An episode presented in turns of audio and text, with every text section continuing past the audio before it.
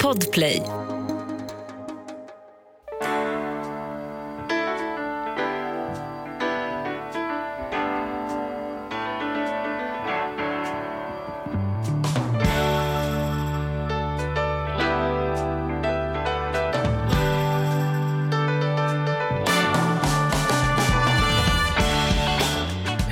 Välkomna till Ekonomi på riktigt med Charlie och Mattias.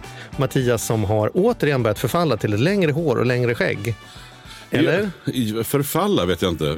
Ja, det var min, det var min Det värdering. var som att det var säga. dåligt. Liksom. Eh, just det. Men det är ju så här att emellan frisyrer Mm. så är det ju så här. Man så här först har jag lång frisyr och sen så klipper jag mig kort. Mm. Och vill man sen göra något annat då blir det ju en period. Man kan inte bara så här, sätta dit hår. Nej, så är det. Utan det är ju en väg på väg Så dit. är det. Men så du, vad du säger är att du är på väg någonstans med det där? Jag har en, en idé om vad jag ska ha för frisyr. Ja. Men den tänker jag inte avslöja än. Den kommer, det kommer man få se. Det kommer man snart Men om man har se. sett bilden på en dag och tänker så här, vad, vad är det som pågår? Då är det, då är det att det är ett projekt. Det är ett projekt. Ja. Är så. Sen är det väl också så här att det är lite bad hair day. Du sa ju till mig när vi gick in här, vi kom ju samtidigt. In Mattias dörren. försökte ha mössa på sig. Ja, och Då då, jag, det tycker du att det var alldeles för sent för att mössa. Men då kan jag tycka så här, ibland är det skönt att ha mössa. När det är lite blåsigt när man går Ja, över Västerbron. Absolut, men kanske inte inomhus. Sitta och podda med mössa på sig med Nej, gäster. Det är som nej, men därför menar jag att mitt hår ser inte särskilt Ah, ja, ja, du menar alltså, så. Jag är ganska flat nu i håret, det bara hänger. Ja, så inte så, det var mer längden jag tänkte på. Ja. Det var en tydlig förändring. Nog om ditt hår. Ja, du, vi har ju en spännande podd där vi ska podda och sen ska ju du och jag ut ikväll. Ja, Ja. precis så. Ja, spännande för mig, för vi ska quizza igen. Vi har ju nu börjat, som ni vet i podden, att vi har börjat ställa upp oss som quizmasters. Ja, vi har ju gjort, vi Ja. har gjort quiz och vi, Ja. har, vi har faktiskt Men vi fler också- gig inbokade. Ja, och vi går på studiebesök också, liksom Ja. plockar upp godbitar på andra. Så att ikväll är det, sitter vi i, i publiken Mm. tillsammans, det är du och jag, Andrea, och, lyssna nu, en hemlig gäst. Och jag vet inte hur det är för er, om ni har kompisar som säger så här, du frun kan inte följa med, jag tar med mig en kompis. Då tänker ni så här, vi får se vad den blir. jag tar med när mig en Matti- annan dejt sa jag. en annan dejt sa du till och med. Ja. Och då är det ju så här att när Mattias säger så, då kan det, det kan vara Dregen och det kan vara en revisor. Man har liksom, det kan vara Staffan Olsson, liksom handbollsstjärnan, och det kan vara din dotter. Det är som att jag har, jag har ingen aning om Nej, men eftersom upp. kan det, eftersom jag vet att du tänker att det kan vara det, det är därför jag då inte säger någonting. nej. Det är för att jag tycker det är lite roligt att vara lite småhemlig. Ja, det och. Mm. det var ju så för att min fru var tvungen att åka till Malmö i, idag. Så, och det visste vi inte när vi bokade. Men då är det så tråkigt att ställa in. Så då får man ju ta med sig en annan dejt helt enkelt. Så att eh, det kommer. Mm. Ja, det är spänning. Det har jag med mig nu se. när vi sitter och pratar här. Att det, liksom, att det ändå bubblar lite i kalendern att det finns en hemlig gäst ikväll. Men tänk om du hade haft lite så här, det kanske man kommer kunna räkna ut i framtiden. På sannolikhet eller att någon som kan läsa av mig kan känna så här, just det. Kolla, Det kommer vara den här. korsköra din kalender mot ditt sociala medier och andra Just det. människor och lista ut. Så känns det ju ganska ofta tycker jag, att det, är, det pågår något. Ja, någonting väldigt- pågår ju och det där Mm. har vi ju pratat om och alla pratar om. Att just så här, snackar man om någonting rätt vad det är så dök, dök grejen, annonserna upp i Instagram eller på Facebook. Mm. Och så har vi lärt oss att det är det enda de inte gör, att de tydligen inte avlyssnar oss. Nej, de, det, de tydligen inte avlyssnar och sådär. Men det, det är mycket kring det här och, och AI idag framförallt. Jag tycker också det är spännande. Vi pratade ju för, det är kanske det är det tre år sedan, två, tre år sedan i alla fall, om fondrobotar till exempel. Ja. Där jag hakade på det racet och har en, en, en del av mina pengar Ja, placerade Ja, eh, liksom, i en Ja, fondrobot. Visst. Och jag måste ju säga att det går alldeles utmärkt. Nu vet jag inte om vi kommer få svar på om fondrobot är exempel på en, en AI eller inte. Nej, men, jag, Men- vi går åt det hållet. Vi ja, jag hade ju en gäst som Marcus, vad hette han? Mm, Marcus, han hette, vad hette Mhm, han? Marcus, Ja. ja. men han hette ju Marcus i efternamn, inte förnamn. Ja. Fredrik Marcus. Fredrik Marcus, som pratade om att eh, i framtiden så kommer den som har bäst liksom sån här, eh, digital assistent hemma, som är bäst liksom Siri, Mm. kommer göra fondvalen åt den. Man kommer säga, jag vill ha segelbåt och så kommer den säga, du då drar jag ner på värmen två grader och så sätter de här pengarna på Lysa och sen så har du en båt om tre år. Det var liksom hans vision om vart vi är på väg. Nu får Har vi se du- om vi är där och vi ska diskutera om det är bra eller dåligt eller vad vi Precis, ska vara men, rädda eller men använder du, du, du har ingen sån hemmasnackare va? Du, använder du Andrea- Siri i telefonen? Andrea- Ja just det, du har din Vi är inbyggda. ganska snackare Ja. allihopa hemma. Nej, Nej, men, men använder du Siri i telefonen?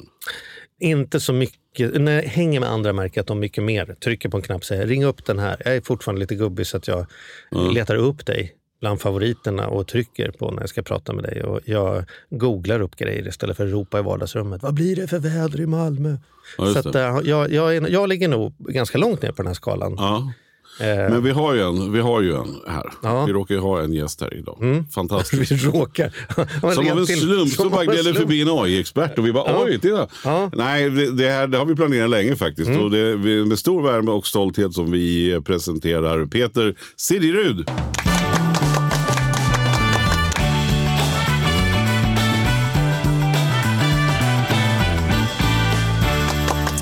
Så mycket, tack så mycket. Välkommen Peter. Tack. Är vi ute och svamlar när vi pratar AI och fondrobot? Eller är vi, liksom, är, är vi för långt ifrån en riktig alltså, artificiell intelligens? Nej, men artificiell intelligens är ju en sån eh, grundteknologi kan man säga som kan appliceras på massa olika områden. Det är ungefär som när elektriciteten uppfanns. Att man kan ha den till massa olika saker. Man kan värma upp hus eller köra bilar på el eller vad det nu må vara. Och lite samma är det med AI. Man kan ha det till massa olika saker, inklusive till ekonomi förstås. Men du, om vi, vi ja, måste, börja från början. här. Ja, just det. Ja. Exakt. Alltså, vi är så synkade så vi tänker vi måste ställa exakt samma fråga exakt samtidigt. Men, vem är Peter Cederud? Vi måste ju bara veta först, vem, så lyssnarna får veta. Vem, vem är du? Jag jobbar som trendspanare och framtidsanalytiker så att, eh, jag hjälper organisationer att få lite koll på trender som sker i omvärlden och eh, skapa bilder av hur framtiden kan tänkas bli. Och då kan det vara företag. Så här, vem är klok nog att anlita dig då? När kan du gå in och känna så här, nu, nu har jag levererat? Liksom. Ja, men det är väl dels de som är kloka, som ligger långt fram och vill behålla den positionen. Och sen är det de som ligger på efterkälken och känner att de vill komma ifatt. Och, men det är till företag och kan man säga, organisationer. Vad kan det vara? Liksom? Ja. Rent, rent konkret. Liksom. Ja, det är ju både näringsliv och offentlig sektor. Men det är inte så konkreta råd, utan det är mer en mental förflyttning så att de eh, rätt positionerade har en bra framtidsberedskap. Ja, just det. Vad betyder det? Nu, vad är framtidsberedskap? Om du, om du skulle hjälpa oss då, här i podden. Ja, Ja, vad är det, men- vad, kan du framtidssäkra oss lite grann? Det- vad, vad, ja, vad borde nej, vi men- snegla, mot? det, det dök upp ett nytt eh, kul begrepp, om vi kallar det för det, under pandemin, resiliens. Som är något slags eh, begrepp som försöker fånga att man har ett stort mått av tålighet mot olika typer av omvärldsförändring.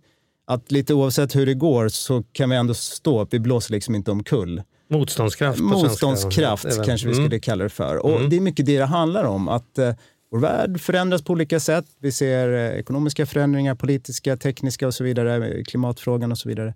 I ljuset av alla de här förändringarna så måste man ha någon form av strategi som gör att man kan hantera ett stort mått av förändring och ändå vara framgångsrik. För där, där tycker jag ju att vi lyckades. Det känns ju som när pandemin kom att vi hoppade, inte vet jag hur många år, men någonstans det har ju snackats mycket som att vi hoppar fem år fram i tiden på något vis. Att, att vi plötsligt så, så, så fanns de här programmen med, där vi kunde sitta och ha livemöten och Zoom och, och Teams och allting utvecklades väldigt, väldigt snabbt. Och vi liksom tog ett rejält steg, tycker jag då. Men här, Eh. här måste jag då få ställa en fråga. Gjorde vi det då? Därför att jag minns nämligen att vi var i den här pandemin och då lät det så här. Ingen kommer ha några fysiska möten mer. Allt kommer göras digitalt. Ingen kommer resa mer. Det är, det är, lägg ner alla flygbolag. Vad ska man till London och, och, och göra när man kan sitta hemma? Och sen så spolar vi fram efter pandemin. Nej, nu är det ju som så här, nej, digitalt möte. Jag tycker det finns värdefullt att människor träffas. Och vi ska bygga om kontoret för att locka in fler människor att vara här och samskapa. Och flygbolagen Ja, är bara du, fulla Peter? med grejer. Är det inte ganska mycket hokus pokus att vi tror att världen ska bli så annorlunda så blir den ganska lik sig ändå. Folk kör ju sin bil trots att det finns teknik som gör att man inte skulle behöva köra bilar. Och vi vill ha en lokförare trots att tågen kan åka själva och så vidare. Eller? Ja, det finns verkligen framtiden. Ja, nej, men det, det är ju så att pandemin var ju en diskontinuitet som var någonting helt annat än det vi har sett tidigare. Och samtidigt så har vi vissa sega strukturer, att vi är vana att göra saker på ett visst sätt. Och de två år som den pågick var kanske lite för kort tid för att de här beteendeförändringarna skulle ha satt sig i mycket större omfattning. Vi ser att vi går tillbaks eh, i viss omfattning. Vi åker till kontoret, men kanske inte lika ofta exempelvis. Vi ser att andelen digitala interaktioner som vi har med myndigheter eller med företag som vi är kunder åt har ökat. Det har tredubblats. Så att det har ju skett saker, men vissa saker tenderar också att falla tillbaka i viss grad. Mm. Men har vi en tendens att underskatta eller överskatta mängden förändring eller hur snabbt saker förändrar sig? För vi lever ju i en tid när alla håller på och tjatar om att det går fortare än vad det någonsin har gjort och du vet förändring är det enda som är konstant. Och det, klyschorna kan jag ju. Men så tittar man ut på stan så är det ganska sig likt ändå. Liksom. Jag hade inte fått någon chock om jag hade hoppat från när, liksom, när jag var tonåring till nu och tittat mig omkring. Det ser ganska likt ut. Bussarna har fortfarande samma röda färg. Liksom. Mm. Nej, men saker tenderar ju att förändras olika snabbt beroende lite på vad man tittar. Men om vi just tittar på teknik, eh, som kanske är lite temat för dagen här, så är det ju så att vi oftast överskattar den i ett kort perspektiv. Man tror att nu sker det mirakel här över en natt. Men å andra sidan så underskattar vi den i ett längre perspektiv. Mm. Vi förstår inte hur det kommer att omforma vårt samhälle om man tittar 10, 20, 30 år bort. Mm. Och på vilket sätt då, tänker jag? Vad, vad, vad, är det, vad är det som ligger närmast som kommer vara en eh, förändring som, som påverkar oss i vardagen? Liksom? Ja, ur ett tekniskt perspektiv så tror jag många uppmärksammat den snabba utvecklingen med artificiell intelligens just och hur fort det faktiskt har fått ett genomslag, även om det har utvecklats sedan 50-talet. Ge ett exempel då, som, som du säger. Som... Ja, men det mest konkreta nu som jag tror väldigt många har hört talas om eller till och med testat det är Chat GPT. Den här smarta AI-botten som man kan ställa frågor till och som ger väldigt adekvata svar.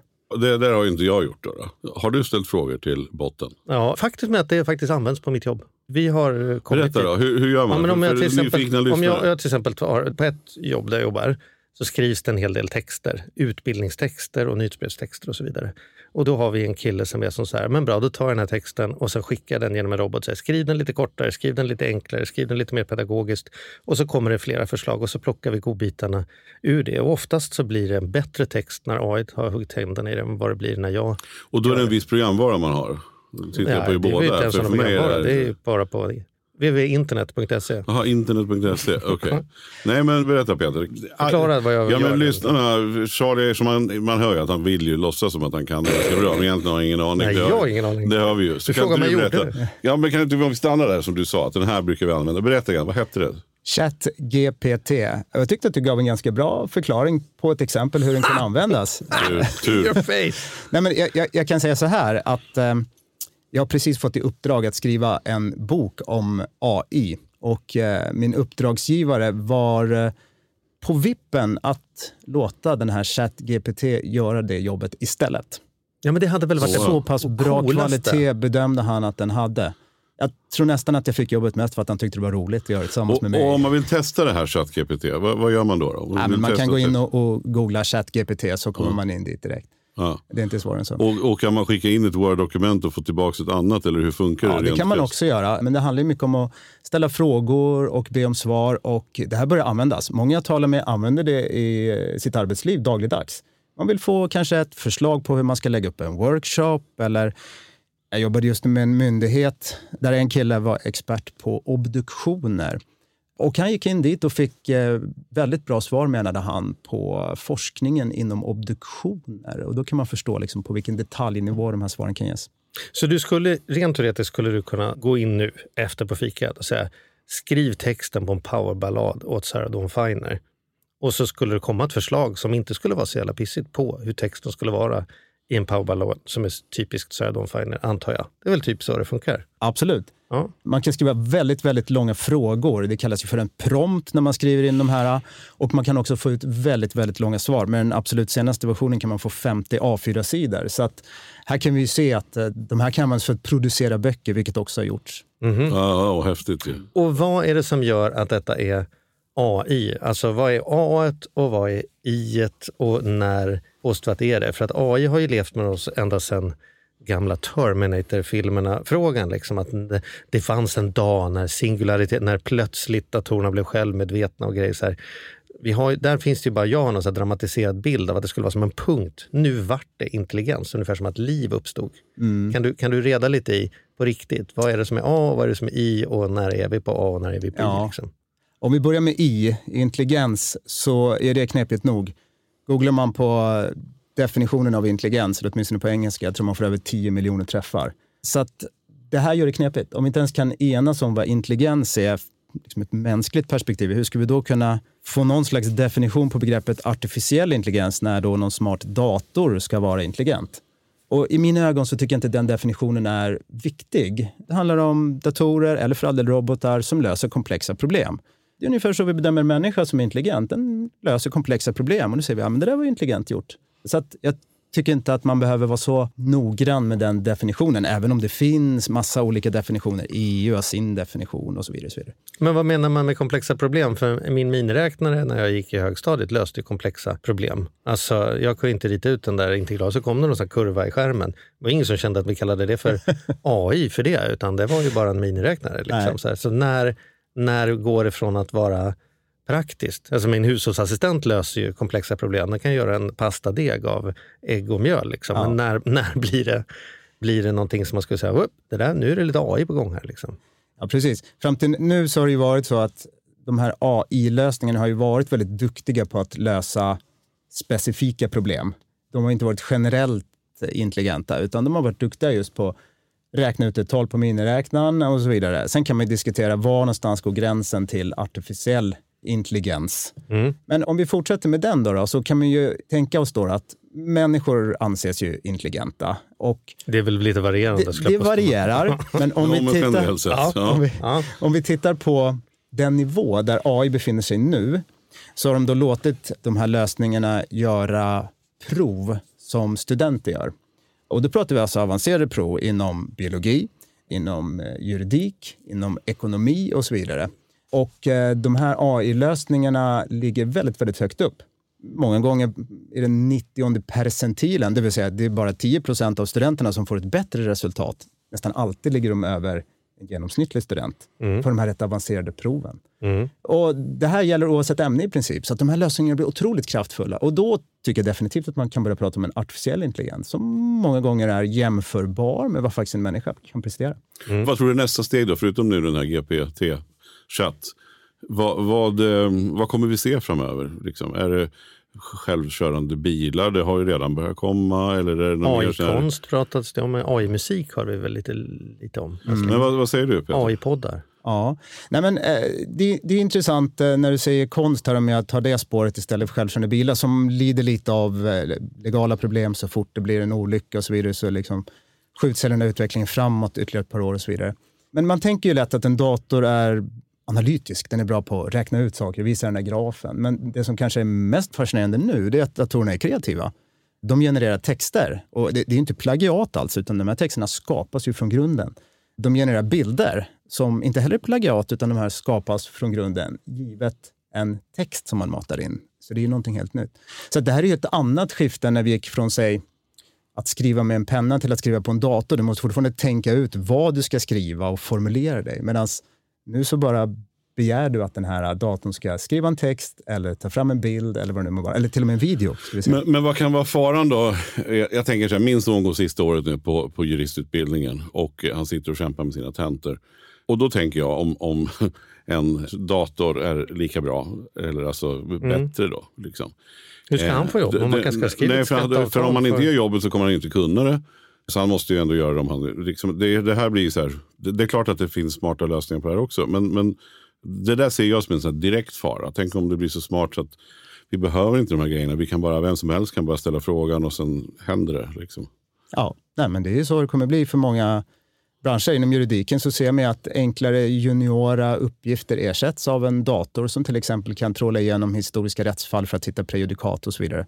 Och det där går igen från bransch till bransch jag tror inte att alla jobb kommer att ersättas av en dator eller en robot i, i brårasket. Men definitivt många deluppgifter kommer göra det.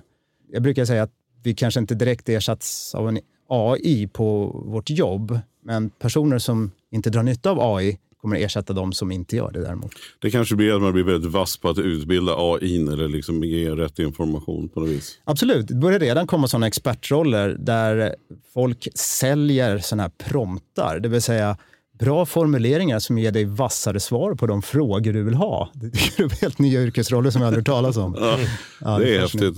Ja. Vad ser du är de största möjligheterna med detta? Nu är vi här hänger idag på podd 328.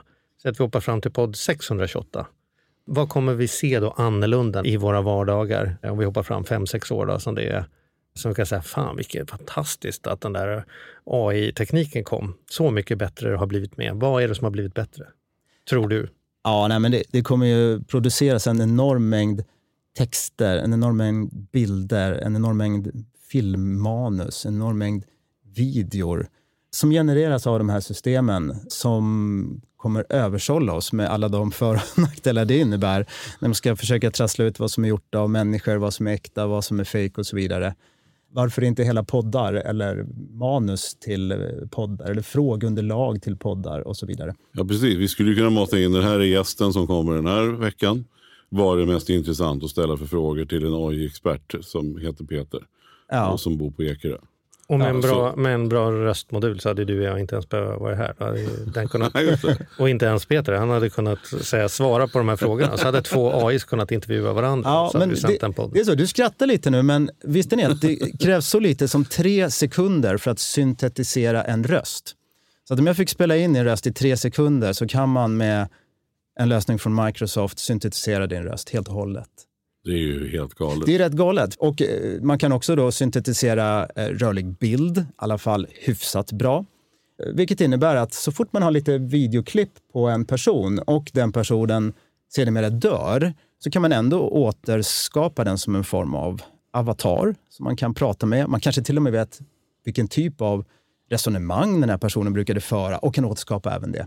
Så att vi kommer få... Men- men hur- hur Och det, där, det där är lite obehagligt för man kan ju skapa personer som ju inte finns. Ja, eller, det är också. Alltså och skapa riktiga personer med känslor och sådär. Eller riktiga. De- inte med de känslor. Det, Jo men det går ju. Alltså, det går ju att och man, då måste man definiera vad som är känslor. Men Ja, men jag har sett någon, Det man någon upplever som webbsida där, där det finns människor som man går in och hälsar på och sådär, som Mm. finns där och tycker Ja. något och vill något. ja, Ja, men jag har ju ja, testat det mm. själv att skapa virtuella kompisar bara för, för att prova. Och de, eh, liksom, man kan sitta och prata med dem och diskutera och de liksom lär sig lite vad man är intresserad av. Och, och sen så finns det ju speciella moduler då. att ja, men Du som är intresserad av rymden, då har vi liksom en rymdmodul och så kan vi diskutera det och så vidare. Men, men du, måste, då, okej, du säger att det här kan man göra, det här kan man göra, det här kan man göra. Då undrar jag, hur svårt är det? Om, vi, om, om du hade liksom på riktigt nu då, vi hittar på ett uppdrag.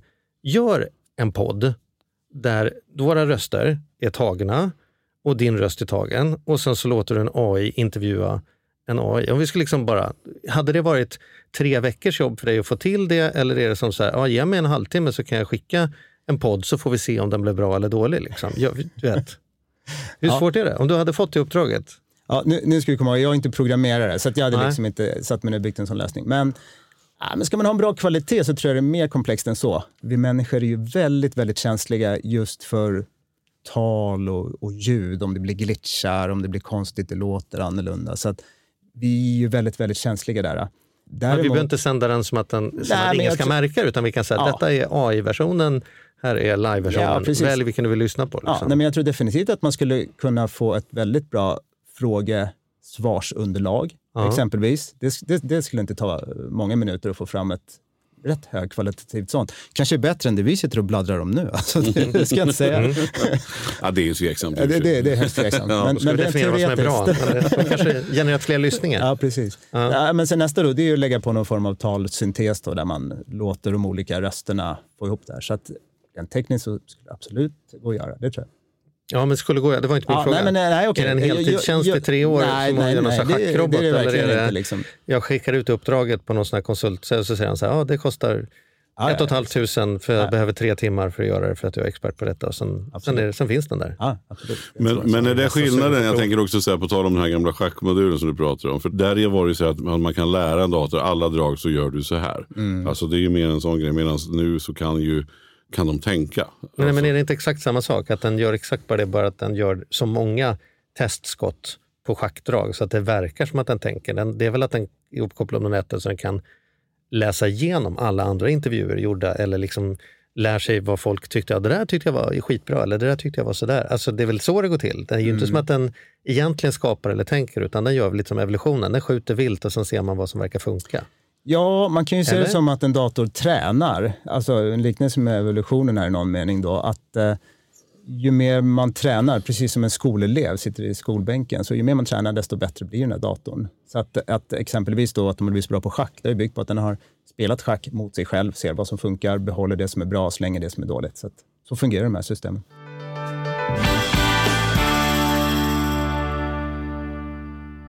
Den här podden gör vi även den här veckan i samarbete med Saveland. Fan vad kul det är att ha dem med ombord. Mm, jätte, jätteroligt. Ja, vi brukar prata om att man har något band som man såg Jag stod Bo Kaspers jädrigt tidigt liksom, innan man gjort tv-debut. Och du har något hårdrocksband som du var jävligt tidig på. Ja, alltså jag var på, på Lilla Teatern Göta Lejon och såg Metallica ja. 1984. Så gammal är jag. Och jag var i kontakt med Saveland när det fortfarande var typ tre, fyra personer där från mm. början. När jag fick möjlighet att träffa dem. Eh, och nu är de ett stort bolag, fyller tio år, finns på börsen och jobbar helt enkelt med att vanliga privatpersoner och företag kan investera pengar eh, i eh, lån och krediter. Mm. Så man får riktigt bra ränta. Så eh, det rullar på efter tio år, bättre än någonsin. Fantastiskt kul att ha dem med här i podden. Mm. Gå in, testa, kolla. Vi ja. har en kod som gör att om du öppnar ett konto och använder på riktigt får du dessutom en insättningsbonus just Precis, och vill man veta mer så som sagt gå in på saveland.se. Man kan också lyssna på Ludvig som har varit gäst i vår podd två gånger. Då får ja. man en ännu bättre inblick ja. i vad, vad det är de pysslar med egentligen. Men ja, saveland.se och stort tack. Ett poddtips från Podplay. I fallen jag aldrig glömmer djupdyker Hasse Aro i arbetet bakom några av Sveriges mest uppseendeväckande brottsutredningar.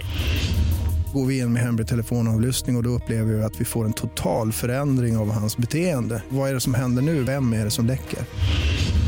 Och så säger han att jag är kriminell, jag har varit kriminell i hela mitt liv men att mörda ett barn, där går min gräns.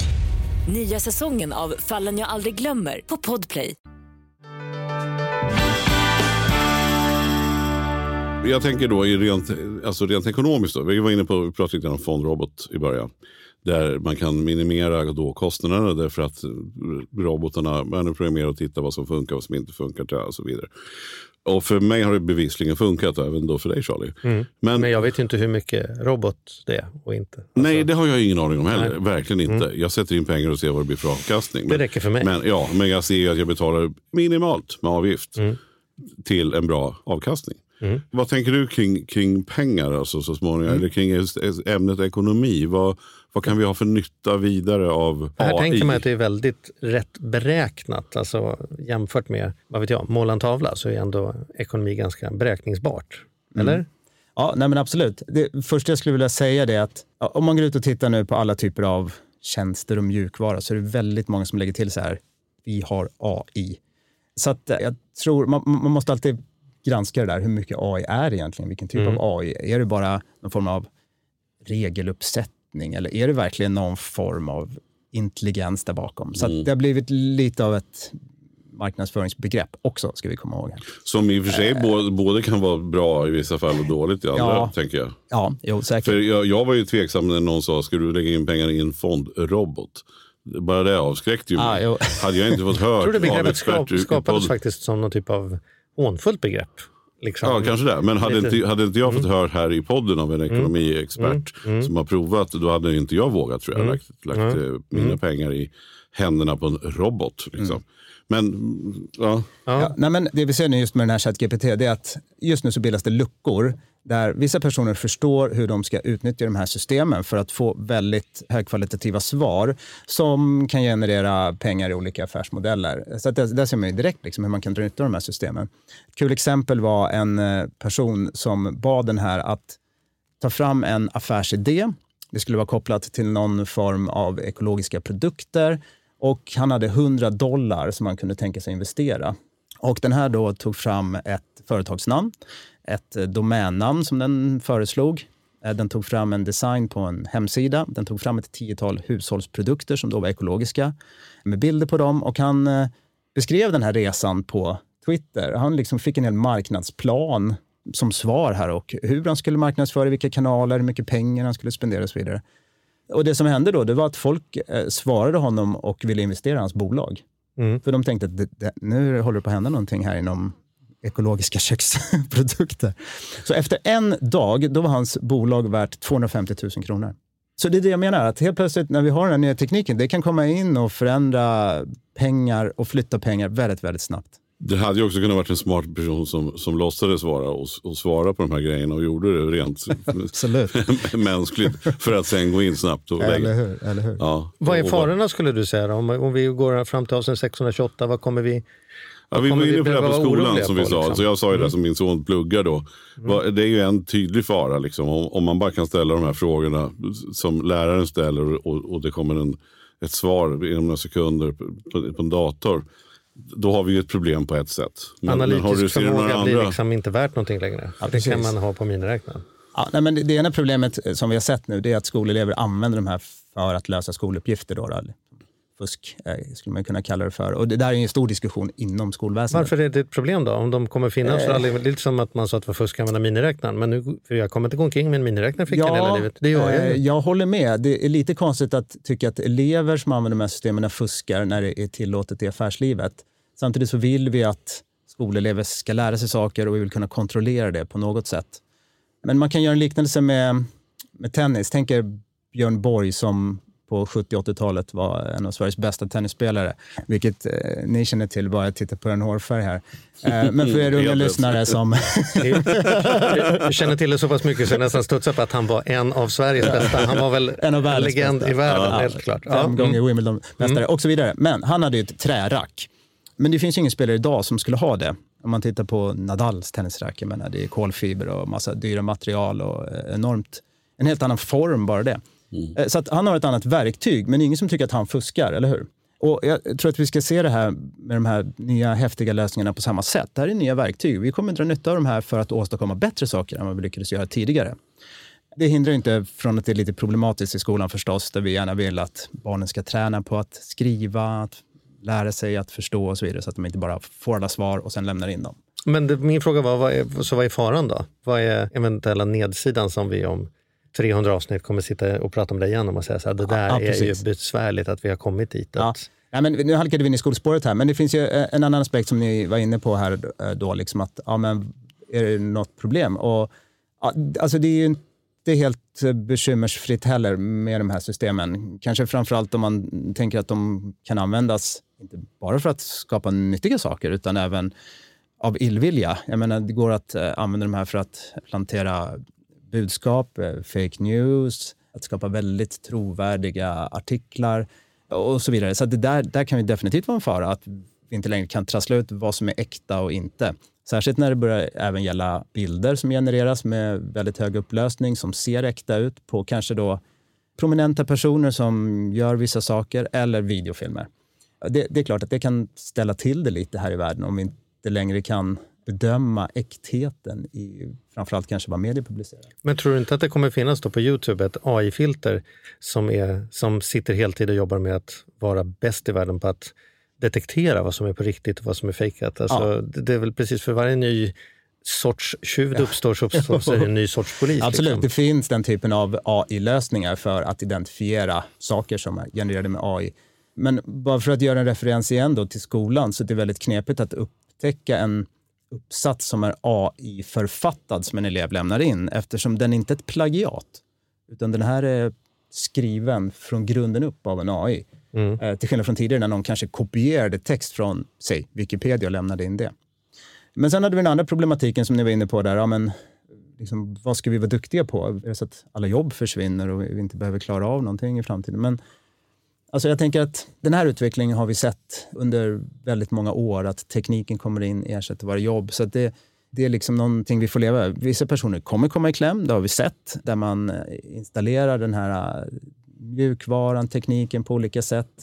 Inom vissa kommuner så skaffade man en programvara som skulle fatta beslut om försörjningsstöd. Och eh, i, i Kungsbacka kommun då var det 12 personer som blev så arga så att de sa upp sig för att de ville inte eh, liksom hörde talas om att en robot skulle göra deras jobb.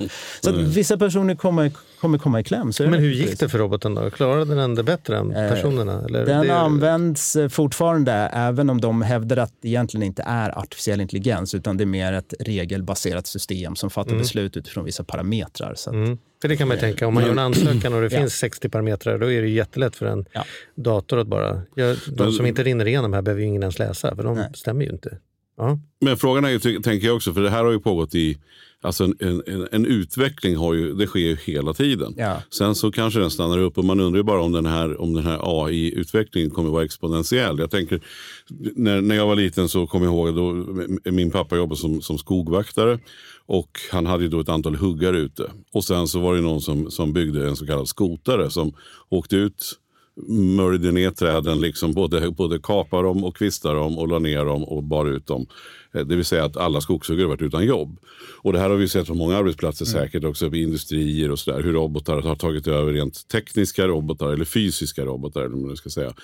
Men det har vi anpassat oss efter hela tiden. Vi, vi lyckas ju hela tiden anpassa oss. Det jag kan kanske känna en risk, precis som man sa att internet kanske är en fluga, det låter kanske så, men det kanske finns en risk att det här går så jädra fort så att, så, att, så att man inte hinner med att de här skogshuggarna ska göra någonting annat. För att mm. Arbetslösheten var ju inte högre efter en stund bara för att det kom skotarmaskiner. Det, skadade, det räddade också rätt många trasiga axlar och knän och, och skador och såna saker som blir. Men frågan är om det, hur fort det här kommer eskalera. Liksom. Mm. Ja, men ur ett samhällsperspektiv så är det absolut en relevant fråga. Jag menar, hur snabbt hinner vi absorbera den här förändringen, anpassa utbildningssystem, ta hand om de som hamnar utanför, som helt plötsligt drabbas av tekniken, om vi kallar det för det. Men det generella rådet är väl att man får fundera själv på vilk, vilket vägval ska man göra här i ljuset av det här. Det här kommer komma vare sig vi vill eller inte. Det kommer gå mm. olika snabbt i olika branscher. Men jag tror att ett förhållningssätt är förstås att själv bli bra på det här. Bli bra på att använda systemen eller att utveckla systemen. Att det, det är ett område som kommer växa. Eller så får man fundera på det precis omvända. Vad är de här datorerna väldigt dåliga på? Mm. Eh, och Det är väl typiskt saker som har att göra med människor. Relationer, nätverkande, omsorg, omtanke, passion. Alltså den typen av väldigt mänskliga egenskaper. Där har vi nog fortfarande en fördel. Än så länge. Men, men, här, men, om man liksom, jag är liksom också lite så här sagofanatiker, så både fantasy och science fiction och sånt dyker upp. Så man har ju sett en hel del såna här scenarier. Liksom, eh, du har redan sett framtiden nej, men, ja, men, nej, men Jag har ju sett otroligt många iterationer på hur det skulle kunna gå. Men för, för det ställer ju väldigt snabbt intressanta frågor. Om vi nu vi sätter ihop en dator här liksom, som får jobba på och är riktigt duktig på att göra jobbet, att vara en bra kompis, att kunna liksom, köra bilen, att investera på börsen, att måla tavlor. Ja, då är frågan, så här, när vi börjar definiera att men det här är ju typ en person. Varför ska Mattias ha sjukvårdsersättning och pension och grejer medan den här datorn som har lika många vänner och lika mycket relationer och gör likadant jobb, vem definierar, är det, är det per kilo kött man eh, värderas eller är det beroende på kreativ... Liksom, det blir frågan om så här, vad är vad är människa då? Där vi har varit inne med djuren, liksom, djurens rättigheter. Idag, för hundra år sedan så var det liksom en icke-fråga. Vadå vilka rättigheter har korna? Då, korna är väl mina för fan. Och backar vi tusen år, så vilka, vilka rättigheter har trälarna? Ja, vi får backa lite mer. Men du förstår vad jag menar? När kommer vi börja prata om vilka rättigheter har din laptop? Det kan ju inte bara liksom slänga omkring hur som helst. Den där laptopen har väl rättigheter som alla andra och få ha en dålig dag eller vilja åka på semester. Eller, mm. Alltså nu bajsar jag till det lite här bara för att sätta det på sin spets. Men, Nej, men det är ju tvärtom. väldigt, jag väldigt, svårt, att bedöma, en... väldigt svårt att bedöma vad vi egentligen ja, pratar om. Jag här. tycker du ramar in någon slags eh, historisk utveckling rätt bra istället. här. Ja, men du har helt rätt. Jag menar, det, idag finns det ju djurrättsadvokater som ska liksom försvara djurens rätt eh, och så vidare. Det är liksom en växande yrke nu. man, mm. man kan fascineras lite över det. Men jag skulle vilja säga så här att mycket av de värderingar vi har idag, de var helt otänkbara tidigare. Och precis som att vi idag tycker varför ska en dator eller en AI ha någon form av rättigheter så kanske det är en helt accepterad tanke om 20 år. Mm. Så att jag tycker inte alls det är otänkbart, eller i alla fall svårtänkbart idag, men inte otänkbart. Är det inte någonstans att, att om jag skulle få vara kung och liksom bestämma, då är väl någonstans gränsen går vid initiativkraft. Alltså när, när datorn börjar ta sig för saker på eget bevåg, då passerar vi någon besvärlig punkt. För då skulle ju på riktigt Mattias kunna bli solovårad av en dator. Om vi frågar vem låg bakom där? Nej, det hittade datorn på själv. Att fan, här är lättförtjänta pengar. Jag, jag gör ett Tinderkonto, så lurar jag ut honom här och så tjänar jag pengar. Ja, då skulle ju datorn hamna i fängelse för det finns ingen person bakom. Alltså, och, eller vinna Nobelpris. Alltså, så här, det, det, någonstans går väl gränsen i att jag behöver ändå be datorn att göra någonting. Och, och om det, den börjar göra saker, då är det risk att vi hamnar på den här mm. Terminator-nivån. vad ska ni då med mig till? Jag verkar mest ja. vara till besvär här. Eh, liksom. Då, då är vi risk att hamna på den nivån. Såvida det inte finns begränsningar som gör att den här datorn också måste anpassa sig till mänskliga värderingar. Så att den inte går utanför ramverk, till exempel att skada människor, bryta mot lagar och så vidare. Det kommer EU-lagstiftning kring sån här, äh, eller direktiv ska vi säga, kring etisk AI där man försöker just adressera de här frågorna. Asimovs lagar blir på riktigt Ja, eh, in. Ja, men det, det är ju problematiskt om en AI har en uppgift och väldigt, väldigt stort manöverutrymme för att utföra den. För det kan ju då ske på bekostnad av eh, människans eh, väl och ve helt enkelt. Ja, och jag tänker också bara som du sa från början här att på tre sekunder så kan man få min röst. Alltså att, att i, i bedrägerier kunna ringa min mamma och säga att det- jag är jag och Ja. be henne sätta över pengar eller någonting. Ja, precis. Ja, det har redan skett, eh, Ja. den typen av Ja, bedrägerier. det har det, ja. ja, absolut. Och jag får, det måste du också få, liksom att det ökar exponentiellt i mejlkorgen. Så kallade människor som hör av sig och säger så här, hej hej Charlie, jag var inne och kollade på er företagssida, såg väldigt intressant det där med balansekonomi och jag gillar framförallt de här, de här frågorna. Det jag inte såg det var så mycket kring det här. Jag tycker du och jag borde ta ett möte och kolla om hur juridiken kommer in i detta, för jag jobbar nämligen med det. Och så förstår jag att det här går ju ut till tiotusentals människor varje dag bara ligger och matar. Eh, och sen så är det ju några svarar och då blir det ett telefonmöte och då ringer ju den snubben. Men i väntan på den så skickas han ju 10 000 kreativa mejl varje dag genom att använda sånt där. Den typen av marknadsföring pågår ju för fullt och det är säkert människor som vill nå mig som inte når mig därför att jag dömer ut dem som det här, är- det här är ju det här är fejk. Liksom. Det är ingen Men människa sen, sen är det. frågan om, om, det här kan ju vara verkligen på gott och ont. För å ena sidan då, om det vore så att om jag ska tanka bilen att, att, att pumpen måste läsa av mitt öga. Som då skulle kunna vara bra mycket mer tillförlitligt än vad Face ID till exempel.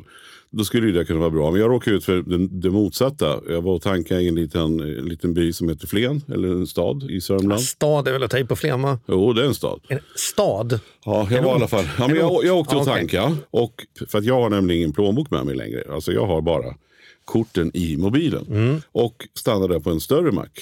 Och tänker att jag blippar. Då hade de ingen blipp där. Och eh, då tänker jag, hej, men hur ska jag göra då, då? Så jag går in och säger, hej, jag skulle vilja tanka, men jag har ingen kort och ni har ingen blipp. Så kan jag tanka? Bara, Nej, det, då är det kontanter. Ja, men jag ska ju tanka bilen. Jag, jag är ju här, här, här är jag. Alltså jag kan ju dra kortet. Och då så sa de innan, nej det, det funkar inte för det är olika konton. Alltså jag kunde inte dra för bensin är en sak och de andra grejerna är en annan sak. Men då fick jag istället, då, så deras lösning var då att jag skulle swisha beloppet som jag trodde det var värt för att få full tank. Och sen satte de en gräns där. Och då vet inte jag hur mycket bensin. Jag, jag vet inte hur mycket jag fick i. För jag, jag, jag, har, jag har inte haft bilen så länge och det är en hybridbil. Så jag, vet faktiskt inte hur mycket. Men då tänkte jag, för en 700 spänn måste jag i alla fall få. Ja, det är ju rimligt. Alltså det är ju högst brukar ju inte köra några små. Och när jag ändå tankar vill jag ju tanka fullt. Så jag går ut, När man tankar tankar man. Ja, och då tankar man rejält. Ja, det var det så jag kände. Så, så, så jag gick ut då och sen när jag kommer till 680 så är det bara slut. Då, eller det är fullt. Det är fullt i tanken. Varvid jag går in och då är det svårt. Han hade ju på- påtalat det här problemet för mig. Men då tyckte jag ju ändå kanske så här. Att du kunde fått en japp. Jag kunde vilja fått en japp. Eller jag frågade om jag kunde få en cola där. Ja. stod. Hur korrelerar detta mot AI? Nej, men det gick, det gick inte. Därför att då var jag tvungen att få en kaffe som var deras egna produkter. Kunde Ja, ja. bjuda på. Ja. Eller kunde han bjuda på. Jo, det jag ville komma till är här att å ena sidan, vad fan tog det här samhället vägen? Där man, och då tänker jag också så här, då är jag säkert ändå ganska privilegierad vit man. Som du säger själv, lite grå. Vilket gör att jag förmodligen är ganska trovärdig. Liksom, kan jag tänka mig ut i samhället. Hyfsat i alla fall. Kanske är Björn Borg som kommer ikväll. Ja, eller så tänker jag på de stackarna som kanske inte är lika privilegierade i samhället. Om man är, är, kommer från, från förorten och är 20 och en massa finnar i ansiktet så kanske man inte har samma... Men den här, det fanns ju ingen tilltro till mellan mig och den här, de här på macken. Jag kunde inte på något sätt få en, någon form av jävla tilltro. Och jag får ju förstå det någonstans, för de har blivit blåsta och sådär. Och då kanske det varit bättre att jag hade en blipp eller en, en ögonavläsare. Och det får alla ha. Då blir det liksom, li- vi står alla lika inför någonting. Men samtidigt då menar jag, baksidan är att kommer vi totalt sluta tro på varandra? Den här artificiella intelligensen mänsklig, eh, liksom valutan mänsklighet Ja. kommer nedvärderas. kommer bara liksom bortblåst. Liksom. Ja, för det kan man säga att hitta på lite, så här, hitta på lite egna varianter. Det brukar ju inte vara datorernas Nej, och det jag ofta får man ju- upp en ruta. Ett allvarligt fel har uppstått. Du, vi måste starta om datorn. Och då finns det bara en knapp där det står okej. Då skulle man gärna vilja ha en så här, men vänta du, det är inte okej. Jag skulle vilja ha en, äh, Nej, men för, bort rutan, det, det här var en lång historia, men, ja. men förstår ni vad jag menar? Förstår du Peter vad jag menar?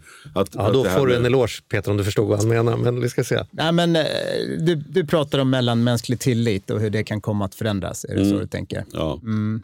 Ja, men det är en knepig fråga, men man kan ju definitivt tänka sig så här att ju mer teknik, robotar, datorer vi har runt om oss, desto mer uppgraderas det här mellanmänskliga mötet. Att vi står face to face, då vet vi det här är äkta, det är inte fake. Det här är ingen som har skapat den här märkliga videon eller vad det nu är här som vi kanske måste försöka genomskåda.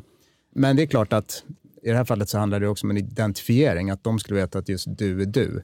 Och där skulle man kunna tänka sig en progression med häftigare lösningar framåt som identifierar oss enklare med jättesnabbt DNA-prov eller vad det man kan tänka sig. Det finns säkert massa Men jag kan tänka mig att man kanske vill cykla ändå i framtiden. Någon kanske, så här, man kanske är så, så här, så jag vill ha en cykeltur och så, så, så ser jag på, på någonstans på någon annonssajt att du säljer en cykel.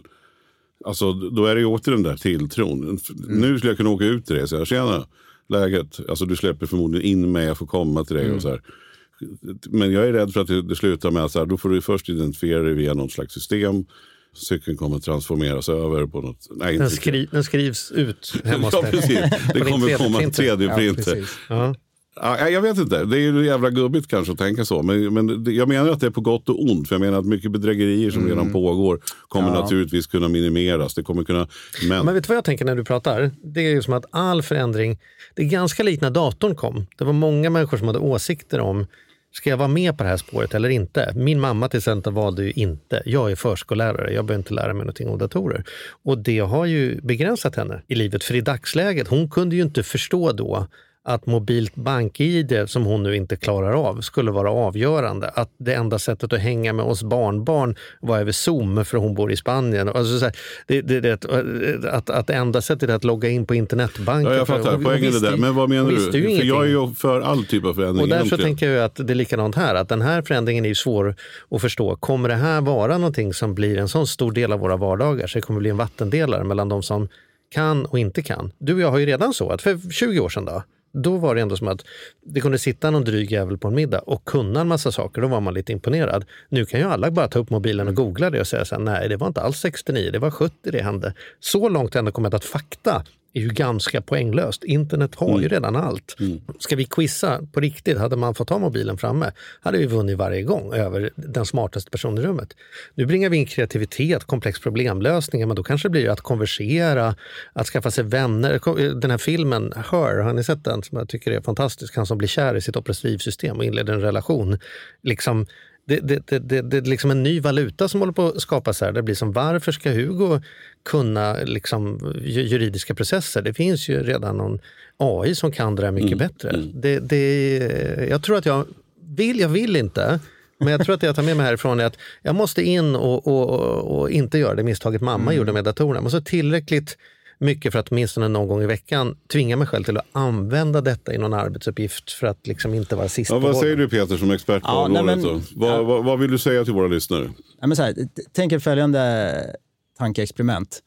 Att eh, man har en viss musikstil som man gillar, kanske man lyssnar på någon streamingtjänst. Eh, samma sak med filmer, eh, samma sak med böcker eller vad det må vara. Med de här allt smartare lösningarna så tror jag att de kommer kunna skapa musik, filmer, texter, böcker som passar precis mina behov. Så det kanske är så att jag inte går in och lyssnar på en viss rockgrupp som jag gillar, utan den här vet om vilken liksom, typ av ackordföljder eller instrument som jag gillar och hur här ska sättas ihop. Så att det liksom genereras musik som hela tiden är ny, som passar mig. Skapar musik i realtid. Eh, filmer som mig. hela tiden tilltalar mig på det sätt som jag maximalt vill att en filmupplevelse ska vara. Samma sak med böcker eller vad det nu må vara. Det skulle vara rätt häftigt. Och det är inte helt otänkbart att det kommer bli så med tanke på den utvecklingstakt vi har sett hittills. Men vad fan Peter, vad gör vi med detta då? alltså, Kan det inte bli konstigt då? Så här, men, så här, vad vill du ha? Det blir en karateporr inspelad på månen. Ja, Ja, ja, Jo, det kan det bli då. Och det säger någonting om vad du brukar kolla på. Så kommer man tänka så här, vi drar dina tre vanligaste grejer i en och samma rulle. Men, men alltså, eh, om man lyssnar på detta nu då och känner ändå så här, jag ska inte vara sist på det här tåget. Jag kanske inte behöver köra tåget, men jag måste ändå Att sitta hemma och gräva ner mig och se om Terminator och bara tänka det här är början på slutet. Har du några ställen så här, vart borde jag gå in och vad borde jag göra Ja. för att åtminstone leka med detta på någon grundläggande nivå? Precis som man hade PC-skolan en gång i tiden. Liksom. Ja, men mitt tips brukar vara att för att förstå trender och omvärldsförändring så är det absolut bästa sättet att testa själv. Ja. Att doppa tårna i vattnet. Och hur testar man då? Ge oss men några ställen att men, testa på. Absolut. Det finns ju otroligt många verktyg som nu börjar byggas ovanpå de här lösningarna som drar nytta av de här för de mest eh, specifika ändamål. Men om man vill så tycker jag i alla fall det här ChatGPT är ett Mm. måste för nästan till alla. Att gå in och titta på, utvärdera, testa, skriv in frågor, se vad det är för någonting. Mm. Fortsätt borra och pressa den. Det går väldigt bra även på svenska, även om den i huvudsak är tränad på engelsk data.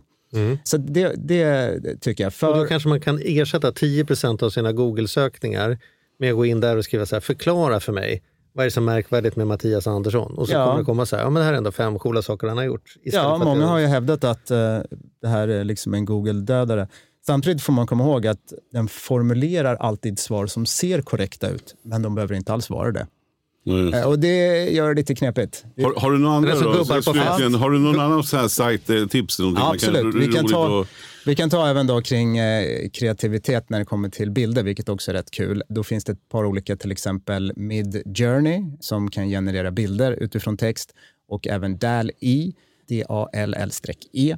Det här är några, de tre plattformarna skulle jag börja laborera med för att se vad man kan göra. För det är jätte, jättehäftigt verkligen. Gud vad spännande. Nu måste Ja. jag. Ja, nu måste du hem. Nu är jag ledsen men nu får vi sluta bara för nu ska jag gå in och Och jag är kolla. genuint sugen på att sätta upp en liten podd, en variant av våran podd som är AI-driven. Bara se om den blir bättre eller sämre. jag har förstått att än så länge är de dåliga på att göra skämt. Många stand-up-personer som har provat och konstaterat att det, det är inte alls roligt. Ja, men, nej, men det, kommer nog det snart. beror på vilken måttstock man har naturligtvis. Ja. Men jag lät eh, den här AI skriva ett av mina nyhetsbrev tidigare, eller i alla fall inledningen till det. Och sen så bytte jag efter ett tag. Har du just insett att det du har läst där skrivet av en dator? Så att, Mhm. ja, det, är, det är häftigt. Ah, Ja, cool. vad roligt. Och vill man ha ditt nyhetsbrev, var, var går Ja, man då? var hittar man dig? Eh, futurewise.se Futurewise.se. Ja. Snedstreck Ja. nyhetsbrev. Roligt.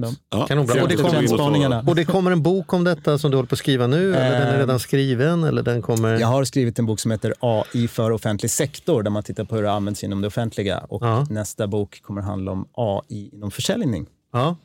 ja, just det. Men det jag var inne hittar man lite på det. Mm. Ja, den andra boken den, den är, vi precis i startgroparna med. Men, eh, men eh, den första hittar man. Ja, Mm. toppen. Och då skriver du så här, inne på ChatGPT, skriv en sån här bok så kan du snegla lite på den i alla fall när du skriver. eller? Absolut, jag använder den hela tiden Ja. för att få uppslag till texter eller göra research. Ja, det här är spännande. Tack så mycket för att du kom hit. Tack så mycket Peter för att du kom. Tack! Tack.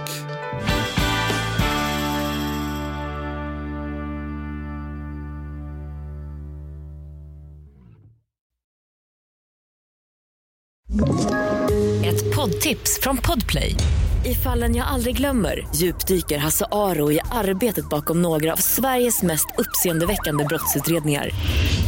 Går vi in med hemlig telefonavlyssning och, och då upplever vi att vi får en total förändring av hans beteende. Vad är det som händer nu? Vem är det som läcker? Och så säger han att jag är kriminell, jag har varit kriminell i hela mitt liv men att mörda ett barn, där går min gräns. Nya säsongen av Fallen jag aldrig glömmer på Podplay.